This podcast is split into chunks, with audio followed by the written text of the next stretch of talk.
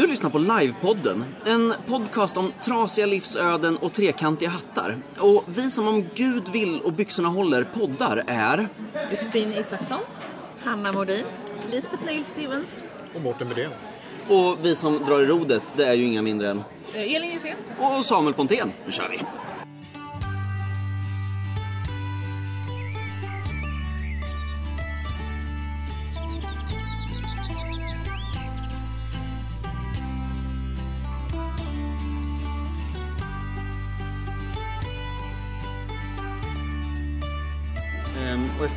Intromusiken så sitter vi här i eh, matsalen på Prolog. Jajamän. Ja, igen.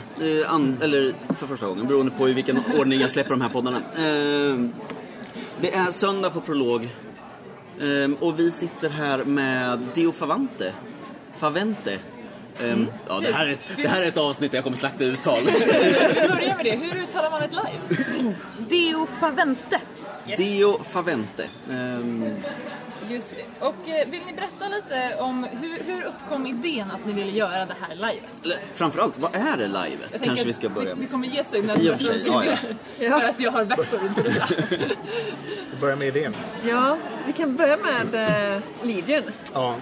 Ja, det började på Legion. Det började på flygplatsen på väg hem från Legion när vi hade fått information från arrangörerna att vi inte fick ta några viktiga beslut. Och då bestämde vi oss för att göra ett live.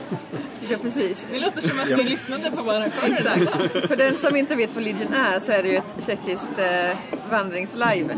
Och det var verkligen så en, en, en jätteviktig instruktion som vi fick att inga viktiga beslut om någonting den närmsta veckan här nu. Så vi, vi eh, Det tog två timmar timmar kan man säga. Ja. sen, sen fattades en rad viktiga beslut. ja, Fast det är inte riktigt sant för att faktum är att beslutet togs på Ja. prolog. det tog faktiskt på Det prolog. det. På prolog. 2017. För två år sedan. Ja. Då vi återträffades efter Legion och Yes. bestämde att eh, vi gör det här. Den här vansinniga idén som När inföll själva eh, Legion? När, hur lång tid gick det mellan idén? En månad. Okej, så det var samma år liksom. Eh, och var ni då alla ni som nu är i gruppen, plus den person som inte är här, eh, på plats då? Var ni på samma Legion? Ja. Ja. Ja, så Vi satt vid samma bord. Det var vi som satt och käkade lunch på flygplatsen när vi skulle åka hem. Och sa, men det här kan man ju göra i Sverige. Vi, vi kan ju göra ett svenskt Legion. Och det finns en väldigt bra story att använda för det. Berätta Som dessutom är på 300-årets minnesår i år. Det är coolt. Ja, Det var läge liksom. det var läge. sätt. Ja. Och vad är då storyn? Det är återmarschen av Arnfeldts armé från Sverige till från Norge till Sverige efter att Karl XII har blivit skjuten. Och armén behöver så snabbt som möjligt ta sig hem till Sverige undan vad man tror är en anfallande norsk armé. Och man vandrar över fjällen i snöstorm och misär. När på året infaller detta? Nyårsnatten infaller själva händelsen under. Men eftersom vi inte faktiskt vill ta livet av våra deltagare har vi valt att inte ha det här mitt i vintern. Deltagarna är glada. Eh, och eh, vad, när, eh, när kommer ni att vara? I sep- sista helgen i september i år, 26 till den 29 september. Vill säga. Torsdag till söndag då. Blir den med, ja, inklusive förberedelse och efterdag så att säga. Yes. Och om ni med tre ord ska beskriva, vad, vad är, är liksom visionen? Vad är upplevelsen man ska få ut av att vara på, på Deo förvänta? förvänta? Starka personliga berättelser, Ja, det är nog... eh, relationer, tror jag. Ja. Och den vanliga människan i skuggan av det stora kriget. Och eh, är den vanliga människan då eh, nödvändigtvis soldat och därför man? Hur har ni löst det? Nej, utan eh, en stor del är ju män och soldater eh, och framförallt är en stor del av de manliga sol- rollerna soldater, men inte alla. Det finns även en präst, där finns eh, någon dräng med och sådär. Eh, men sen så har vi plockat ihop, så vi har tagit kvinnliga personer som fanns i armén någonstans och sen har vi placerat alla dem på samma ställe. Så att även de kvinnliga rollerna är baserade på personliga förlagor, eller historiska förlagor men eh, de fanns kanske inte på samma plats allesammans. Så där finns, eh, där finns ett par kvinnor som är utklädda till, soldat, till män och soldater. Där finns eh, medföljare, så där finns någon hustru, någon syster, någons mamma som har kommit med. Eh, där finns pigor. Där finns eh, någon officershustru också. Norska gisslan. Norska gisslan. Både där män finns, och kvinnor. Ja, och norska vägvisare. Just det. Eh, där finns också marketerskor. Så det är liksom lite spridning. Det är en brokig skara kan man säga. Hur, hur många deltagare tänker vi att ni vill ha? För Vi, vi ska ju inte sk- skicka tu- 3000 lajvar över, över bergen. Nej. Det hade varit fräckt. Det hade varit väldigt fint. Nej men vi sitter på 50 personer eftersom det är så många som vi kan få plats med i en buss. Eh, och så många som vi kan få plats med på vårt boende. Vilket ju då för oss till nästa punkt. Var, var går bussen? Var går livet? Ja. Ja, Vi, vi diskuterade ju det här en del när vi skulle starta upp projektet och landade ändå till slut i att vi vill göra det på den plats där själva den historiska händelsen faktiskt hände, i Jämtlandsfjällen. Eh, ganska nära den norska gränsen på den svenska sidan. Eh, för att det är en viktig del av, liksom, själva, av livet att vara om inte ett minne så åtminstone en uppmärksammelse av händelsen. Liksom. Att det, är- det, är en, det är en viktig historisk händelse i Sveriges historia som vi ville liksom lyfta fram och, och, och göra något med. Och då kände vi att det var viktigt att det också sker på den platsen, det finns ett värde i det. Så det är Jämtlandsfjällen. Eh, inte långt från Handöl där de stackars soldaterna stapplar in efter den här ja, helvetesmarschen och den första gården man kommer till eh, i Sverige. Så det är de trakterna helt enkelt. Tanken är ju att försöka avsluta i Handel. Mm, precis. På den, den faktiska plats som det hände. Där finns minnesstenar och en massgrav eh, grävd av, efter de här karolinerna då. Ja, för, för du berättade när jag, jag första gången fick veta, eller berättade det här livet då, att många dog ju också när de väl hade kommit fram. Ja, det, Handel vid den här tiden var tre stugor. Eh, och där kom det nerstapplandes hundratals och tusentals karoliner. Så de fick ju inte plats utan blev stående utanför stugorna.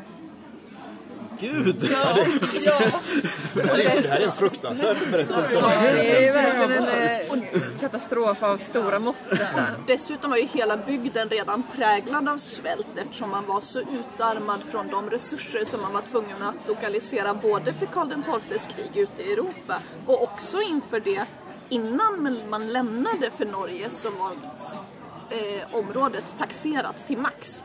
Så det fanns inte resurser kvar i bygden för, de att ta hand Ja, det har de Ja. redan tagit med sig till, på vägen till Norge. Så, att säga. Oh. så det, var, och det, det här är ju en otroligt stor händelse för Jämtland och regionen framförallt. Fortfarande levande i, i minnet liksom.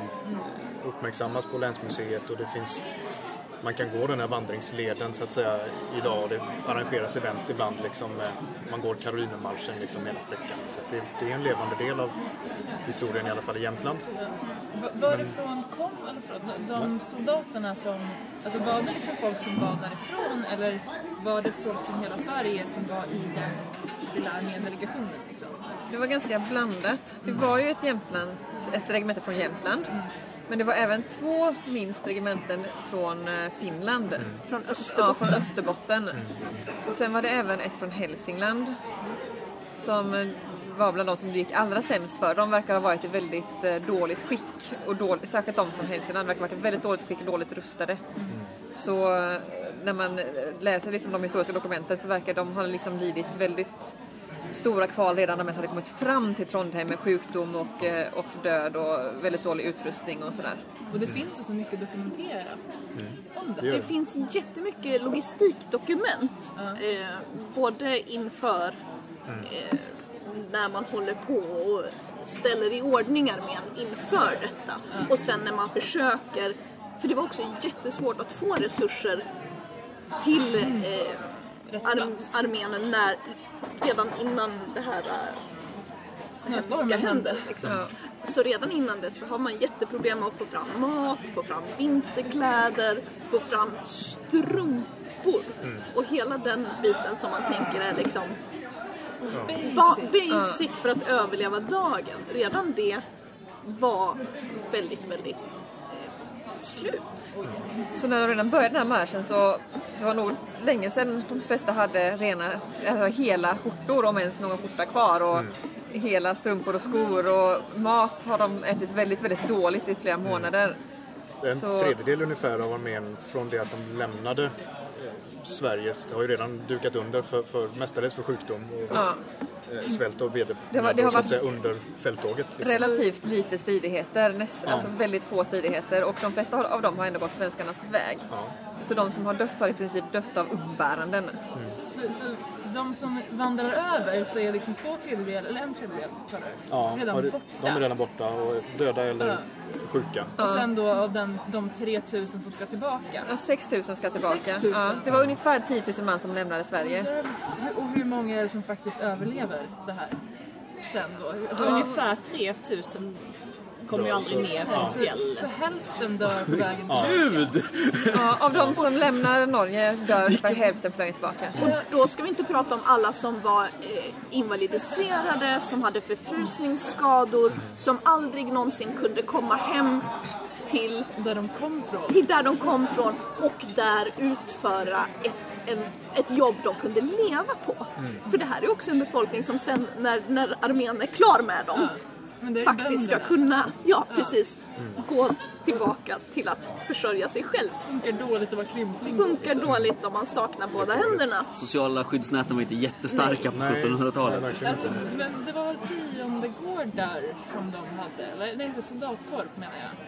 Eller? Ja, men då indelningsverket måste man ju kunna ja, bruka precis. de torpen Ja, förstås. precis. Just det. Eh, så alltså sju, sju eh, av tio så dör sju i det här regementet.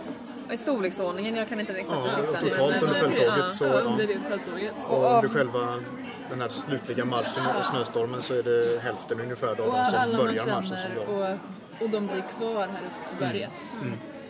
Och det finns ganska väl dokumenterat eh, själva vandringen också för det är ju en präst som var med under vandringen som har skrivit ner upplevelsen av detta. Hur, hur folk frös ihjäl sittandes på sina hästar. Eller hur de var tvungna att elda upp gevärskolvarna för att försöka få värme.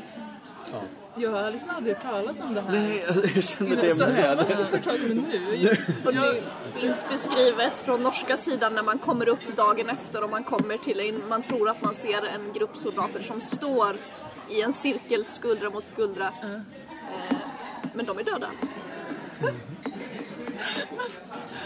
Okej. Så det är en alldeles fruktansvärd händelse är det ju. Ja. Och som Men jag värd inte att minnas. hade känt Ja, tidigare. Det är värt att känna till alltså. För, för ingen av er är ifrån Jämtland, eller? Nej, jag har släkt ifrån Jämtland. Eh, Jag, jag har släktingar, då, som min, min farsa är från Jämtland. Så och hans familj kommer från Jämtland. Så jag har ju folk i släkten som har frusit ihjäl på det här fjället. Så, och det har de flesta i Jämtland någon, någon släkting och, som har varit med i det här kriget. Alltså, Jämtlands befolkning var ju Så- kraftigt decimerad efter det här. Ja. Alltså, det, det var en ganska betydande andel av den manliga befolkningen som helt enkelt Ja, försvann. 40 procent ungefär. Jag, jag har precis fått veta nu från tidigare punkt som handlar om historiska live att eh, for- forskning om historia säger att om 10% av befolkningen i en region eller ett land dör så tar det tre generationer att bara återhämta sig från det akuta emotionella traumat som det innebär för de som bor där. Ja. Eh, och sen så har man ju det liksom som del av sitt, sitt arv och sin berättelse. Och det är 10 och det här var, vad sa du, 40%? 40 procent av den manliga befolkningen då, så det borde ju bli 20 av den totala. Det är ju vansinnigt. Och det tog ju lång tid innan man återhämtade sig Ja. ekonomiskt Ja. också. Rent faktiskt. För att Karl XII tyckte att vi skulle kriga i Norge. Mm. Ja. Och, men var det då så att eh, du visst kände till den här historien? Ja, jag kände när, till Ja, den. så Ja. när ni satt där efter Legion och bara vi borde göra det här i Sverige så sa du alltså jag har en förslag. Det var nog Ja, det var nog också Ja, jag hade varit uppe och vandrat eh, den sträckan året innan. Eh, inte hela Karolinermarschen då, men varit uppe och vandrat i området och hade då läst på och också tänkt att någon borde arrangera ett live om det här. Någon, an, någon annan borde arrangera ett live om det För guds här. skull, någon annan. Du skulle älska att gå på livet, någon borde arrangera om det här. Ja, det är så Men det det är brukar lite börja. Ja, Varför? exakt. Och sen började det gå över till, nu började, borde inte någon ha upptäckt det här? Att någon borde ha arrangerat livet. Och nu är det snart Nu är det snart dags. 300-årsjubileum. Och sen tänkte väl jag lite i mitt stilla sinne att jag inte skulle vara den personen som behövde vara med och Men nu här. sitter vi Hur tycker du att det går med den planen? Ja. Eh, för när jag fick det här berättat för mig första gången så var ju min första tanke att det är givetvis djupt tragiskt men också det är ett så givet live. Det, det är så uppenbart livet. Vi har en svensk Legion-historia. Eh, och eh, det, det är väldigt bra att du tog på dig att bli den personen som arrangerade livet till slut. Säger vi andra som du kan få komma på. Men alltså så här, för mig är ofta en tröskel att åka på live, ja men jag vet inte, klädesmässigt, utrustningsmässigt. Det här känns ju som en, det är ju inte alla som har en karoliner-outfit i garderoben och framförallt inte en som funkar för fjällvandring. Alltså hur blir det? Hur, hur, hur tänker ni till, kring dräkt och utrustning? Ja, Vi får börja med att säga att skor kommer inte att vara historiskt korrekta på det här livet. Tack. Eh, för att eh, då får man inte vara med och leka. Utan riktiga fjällkängor, vandringskängor på fötterna. För att ingen ska komma hem med blodförgiftning. alla tår man åker dit med ska också komma med Ja. hem. Det är planen. Och även på 95 kroppen. procent i alla fall, tänker jag. Men ja, Men, men det man behöver göra om man ska spela Karolinen här, det är i princip att skaffa sig en Karolinerrock. För det var ju så att de hade kanske inte så jättemycket mer än sin rock. Hade de haft en skjorta när de gick hemifrån så kanske den inte var hel längre. nej. Och så vad man har under, det ska se hyfsat snyggt ut. Ehm, Men Det kan vi, man improvisera Ja. eller ordna ganska mycket enklare. så är det DNHK-ish under, Ja. under Ja. eh, Det ska se, se bra ut men om det är exakt det årtalet på byxorna det är inte Nej. så noga. Och det Utan- varierade ganska stort Ja, Ja. då också, så att säga. det. Eh, Man kan ju säga då att Österbottens regemente som kom från eh, ryska delen av kriget när de kom ner igen till Sverige, dit de vandrade tillbaka efter de förlusterna, finns det beskrivet att vissa av de soldaterna var i princip nakna när de kom tillbaka för att kläderna var så söndernötta. Och, och det, här då kanske var- vill, det här kanske vi inte ska lajva. Det ska inte lajva. Så, men, men, men, fick igen, eh, de Men, utrustades med det som fanns tillgängligt att utrusta med. För att det var också ganska snabb takt som man skulle rusta upp på den här... äh, Ganska orimlig takt En egentligen. ganska orimlig ja, takt. Ur alla perspektiv en orimlig takt. Så här. men, men vi som lajvare, hur mycket rustning har vi? Rustning har vi inte. Nej, men, nej, men, Men- men utrustning alltså, var det ja. Förslagsvis har ni ju underställ under. Eller modernt underställ definitivt. Men behöver man släpa sin egen matutrustning? Så här? Man behöver släppa en, mat, en sked och ja. en skål eh, och en Och ett lunchpaket. Ja, och ett lunchpaket. som vi kommer se till Ja. att, Och att sen man så får. vandrar man liksom mellan punkter. ja, så vi kommer ha ma- varm mat på kvällen som man inte behöver bära. Mm. Utan man behöver i princip bara en lättare dagspackning och en filt. Vi har sagt att alla ska med sig en filt. Ifall det händer någonting så ska man kunna värma sig en stund på fjället.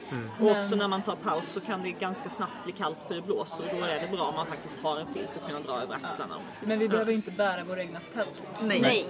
Nej. Och inte sovsäck eller sovpackning heller utan det ser vi till att köra till övernattningsplatsen. Och vi tror nog att det är rätt så realistiskt. För vi tror att de hade lämnat den mesta packningen bakom sig. Ja. De fick inte med sig så mycket. De gick i det de Det går inte hade. att bära liksom. Så Nej. att man ska genom snöstorm. Det, det är jobbigt nog som det är. Mm. Ehm, och eh, det, ehm, det, du pratade också om en buss. Är det alltså en buss som då går till området också? Ja. Yes. Ehm, Så vi kommer först hämta i Östersund och köra till den plats där vi kommer ha workshops. Och sen när livet ska börja så kommer vi köra ut till den plats där livet startar. Och sen kommer vi köra upp sakerna till den plats där vi ska sova. Eh, Och när livet är slut kommer vi hämta upp, köra tillbaka till den plats där vi hade workshops och sen tillbaka till Östersund dagen efter. Hur många livedagar är det? Två Två livedagar, en livenatt. Så det är en, en dag för samling och workshops innan och en dag efter för hemåkning så att säga. Och eh, hur mycket ska man faktiskt vandra? Hur lång är liksom live-leden? Ja, men det är ungefär tre mil Totalt. ja, totalt. Ja. På två dagar. Så det är väl, vad kan det vara, ungefär 15 första dagen? Ja, det, första ja dagen precis. kort- Första Första dagen dagen är lite kortare, lite brantare. Och så jag undrar om inte första är 12 Ja, det låter bekant. och andra är 18. Och då är det, 17 tror jag andra är faktiskt. Ja. så det blir ungefär tre mil.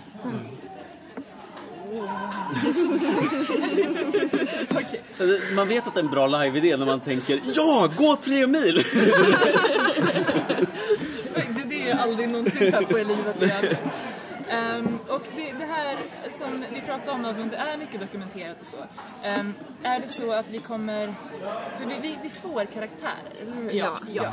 Kommer de karaktärerna vara baserade på, på riktiga människor? Eller gör ni karaktärer? Vi gör karaktärerna, men vissa av dem är inspirerade av verkliga människor. Men man spelar inte en person, man Nej. kommer inte spela din farfars farfar. Nej. Nej. utan ta inspiration från tidsserien. Eh, och eh, behöver man göra några andra förberedelser före livet vad gäller liksom Förutom att skaffa utrustningen, eller görs allt det av så här relationer och sånt i rollerna och genom workshop på plats? Relationer och sånt kommer finnas i rollerna. Eh, och där vi kommer ha workshops på plats. Däremot så har vi information på hemsidan som vi vill att man läser Och igenom. en jättefin trailer. Det också. Den får man gärna titta på. Ja.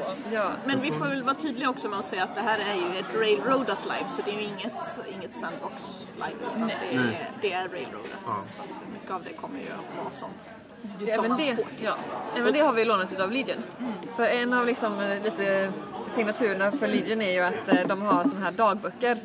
Så det är också ett vandringslive och man vandrar från plats till plats. Och på varje plats så har man en instruktion i sin dagbok som man läser inför just den platsen, vad rollen ska göra och, och, och kanske tänka och fundera på just då. Och det kommer vi sno ganska rakt av och göra något liknande för vårt live. Eh, för det, ja men vi tycker det funkar ganska bra. Jag har bara hört gott om det. Det ligger ju liksom lite i livets natur också när man har den typen av vandringslive att, att det faktiskt följer ju en, en viss En rutt. värld. Eh, Men då har man då lite av en personlig dramaturgi genom den här dagboken. Ja. Och sen händelser som kommer att drabba alla som vi har planerat. Precis. Hur, Nej, men, eh, för, för jag tänker mig också att när man har gått en hel dag och sätter sig ner och får varm mat så jag skulle nog själv inte riktigt komma på bra live-öppningar utan tydliga instruktioner. Jag känner att så här, gud vad skönt att här, ja, vad ska jag göra? Vad, ja, men, Vad alltså, tänker jag ja, på egentligen? ja, Vad ska jag göra nu? För jag vill bara sova och dö i en hög och frysa. Men, men nej, jag ska göra, ja, men, så här, följa upp den här relationen när det är dags för det. Alltså, ja, det låter jätteskönt. Det var, det var ett väldigt bra verktyg faktiskt. Ja, det var det Ja, verkligen. det var superbra. kul. Taggad på att prova det. Ehm, och om man är lite ny, om man inte har lajvat så mycket alls eller inte utomhus någonting förut eller känner att allt med det här är läskigt. Är det så att man, man kan komma även om man är helt ny till lajvande? Ja, det kan man göra. Vi har inte tid att coacha folk i att fixa sin utrustning. Vi kämpar hårt på att vi ska försöka lägga ut någon form av instruktion eller liknande. Vi jobbar på att få tag på, på det, på mönster. Vi hoppas vi ska kunna det, men vi har inte... bilder att titta på, Ja. liksom här är exempel. Och, Så det vill vi verkligen Absolut. eh, serva deltagarna med. Men vi har inte möjlighet att coacha någon. Nej, att, men, och då uppmuntrar att deltagare kan hjälpa varandra. Ja, Absolut. jättebra. Men att ha- har man med sig saker när man kommer dit så är man all set oavsett hur mycket eller lite man har lajvat innan. Ja. Ja. och eftersom man har den eh, instruktioner för relationer och liknande så kanske det till och med är ett ganska trevligt live att åka på som nybörjare. Att man inte känner att man behöver stressa över att hitta det Precis. själv. För att det faktiskt finns där nu. Precis, man måste inte känna folk sedan Nej. tidigare för Nej. att det finns ju färdigskrivna relationer i rollerna. Och man behöver inte heller veta hur man skapar en spelbar roll till exempel. Just det. Och det är väldigt mycket som arrangemanget då ger en. Ja. Både det, de praktiska grejerna man behöver för sitt lajvande och också den här extremt tydliga tematiken. Det kommer inte vara några frågetecken om vad man ska göra på livet. Precis. Nej. Man ska gå. Alla kommer att ha något att göra. På så vis är det kanske lättare och som Ja. nybörjare på det här livet än på många andra där det krävs att man har ett socialt nätverk, en grupp som man åker med och man behöver liksom ta reda på massa själv och skriva sin roll och hitta på intriger och det ena med det tredje liksom. Och även nu. så, som har föreskrivna roller att man behöver kunna ta lite initiativ när man är på plats. Eh, att här, skapa sitt spel. Precis. Men jag tänker efter det här extremt nybörjarvänligt. Ah, vad gött. Det trodde man inte från början. Nej, nej, nej, faktiskt inte. det var. Men, eh, men eh, jag tänker att särskilt om man har kompisar som är lite friluftsmänniskor, som gillar att vandra eller som är väldigt intresserade av historia. Jag tänker mig att ja, men, så här, knäck, eller, men Karoliner måste väl finnas en reenactment-scen för gör dem det. Det gör det definitivt. Ja. Ja, Det finns vi det. har Vi har- kontakt med en del av, av dem, absolut. Överlappande intressesfärer, Ja, jag. absolut. Eh, Så det, det låter som att ja, men det, det kan bli en spännande spelargrupp också. Och vad, vad, vad ni kan dra folk i. Ja, men kan vi locka på det. någon, ja, precis, kan vi locka några reenactors till att testa live så är vi glada. Verkligen. Verkligen. Eh, så jag, jag har en fråga till. Nej, jag, är- jag är ganska färdigfrågad. Ja. Eh, namnet. Varför heter det att live som det gör? Det är ett av Karl XIIs många valspråk. Han hade ett par stycken som han gillade, men just Deo Favente, eh, den Gud faverar, eller om Gud vill, tycker vi är Med väldigt Guds passande. Med. Guds, med Guds försorg, precis. Åh, Eh, Är väldigt passande för just detta Gud, ja. extrema situation. jätte, jättebra. Och det här var ju ett namn som var omöjligt att komma ihåg för mig fram tills igår. Jag har kallat det för Karolina-livet. Sen så löste ni det här genom att ni lanserade en produkt. ja. en produkt. Ja. Nu är ju det eh, Moira som inte är med nu som är ansvarig för att ha tagit fram denna fantastiska Deo Favente Deo med doft av lavendel och landssorg eh, som har funnits att köpa till den med högst bud och nu tror jag att vi har en, en som Ja. har givit oss så nu är den såld. Vad gick den på då? den. 255. Oj! Ja, ja, jag, jag budade 50 kronor. Jag får skambud i sånt fall. Har vi innehållsförteckningen på den någonstans vi kan läsa upp? Eh, Det hade kunnat vara lite trevligt tänker jag. Ah, vi kan, hittar ni den så kan vi slänga med dig Ja, Det informationen kring produceras dem. mer Så, framöver. så Deo, Deo-livet. Ja, exakt. Ja, precis. Köp, köp eh, vad heter det, merch. Ja, jo. som man också kan använda på live. Rexona går in och sponsrar.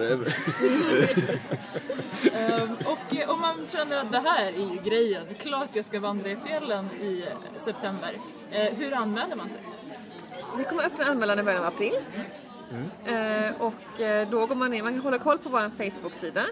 Eh, man, vi har en intressegrupp på Facebook och man kan gå in och kolla på vår hemsida som är deofavente.se. Och hålla koll där så kommer vi prångla ut massvis med information när anmälan närmar sig. Men i början av april. Ja. Eh, Jag insåg att vi har duckat en fråga som är ganska viktig för många. För man får ju väldigt mycket, men vad kostar det? Ja, och det är lite anledningen att vi inte har öppnat anmälan än. Att vi jobbar fortfarande på att dra in spons. För att eh, det är ju dyrt. Eh, med, framförallt med transporter och boende i fjällen. Eh, men vi har ju bestämt oss för att vi, det, ska ligga, det ska kosta under 4 000 kronor. Det är liksom Riktlinje. det är vår riktlinje, under det. Och det kommer också vara lite differentierade priser beroende på hur man bor. För det kommer finnas lite olika boendeformer. Så det, det dyraste priset kommer vara under 4 000 kronor och det billigare priset kommer vara under det. Så kan man väl säga. Men då har vi lite ballpark och sen när Ja, men, och, men, men gud vad mycket man får för det, alltså känner jag här. Det, ja. Ja. Det är ju ja, att vi är peppen. Alltså, ja. Jag, jag har alltså redan pitchat er för Samuel tidigare under förlaget. Ja. Eh, ja, det var alla frågor jag hade. Är det någonting som ni vill, vill berätta lite mer om? Som vi Det inte har säkert. tagit upp än?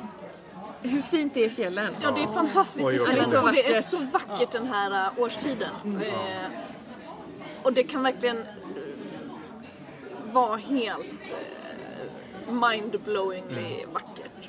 Eh, Så, det, det antingen bästa av om- sommar och det bästa av höst. Ja, precis. Och det är ju sen höst vi pratar om så det kan vara fantastiska färger med verkligen så kraftfulla fjäll- fjällfärger. Vi har ju varit uppe och vandrat rutten eh, en gång för att testa. Och eh, för de som såg vår livepresentation på Prolog så var det ju några fina bilder därifrån och det var ju verkligen så Ni tog dem fantastiskt. själva? Ja, Åh, Och de som inte såg dem då kan ju titta på vår hemsida där det ligger ett antal av dem. ja. Och det, det var ju samma helg som, eh, alltså för två år sedan som vi var där uppe och gick. Så att eh, vädret på bilderna är ju rätt relevant. Ah. Kan också bli snö och Det kan också bli snö. lite snö och lite, det, kan, variera. Det kan alltid vara snö i fjällen. Det är, man får Det räkna så är det ju HK. Jag tänker att man bara går all in i immersion. Man det hoppas ju på lite snö i alla fall. men alltså, det. Det är inte fel. Några flingor. Ja. några flingor hade varit väldigt fint men eh, annars... Ja. Men inte full on snöstorm. Nej, nej, nej, nej, det hade varit tråkigt. Vi vill att ni kommer tillbaka från fjället också. Vi vill väldigt gärna det Vi faktiskt. vill inte ha samma mängd bortfall som det var på riktigt. Äsch, 50 procent. You win some, you lose some. Men eh, fan tack för att vi fick prata med er och lycka till och så kanske vi ses på fjället. Ja, det hoppas vi. Ja, Tack så mycket. tack så mycket. Hej. Hej.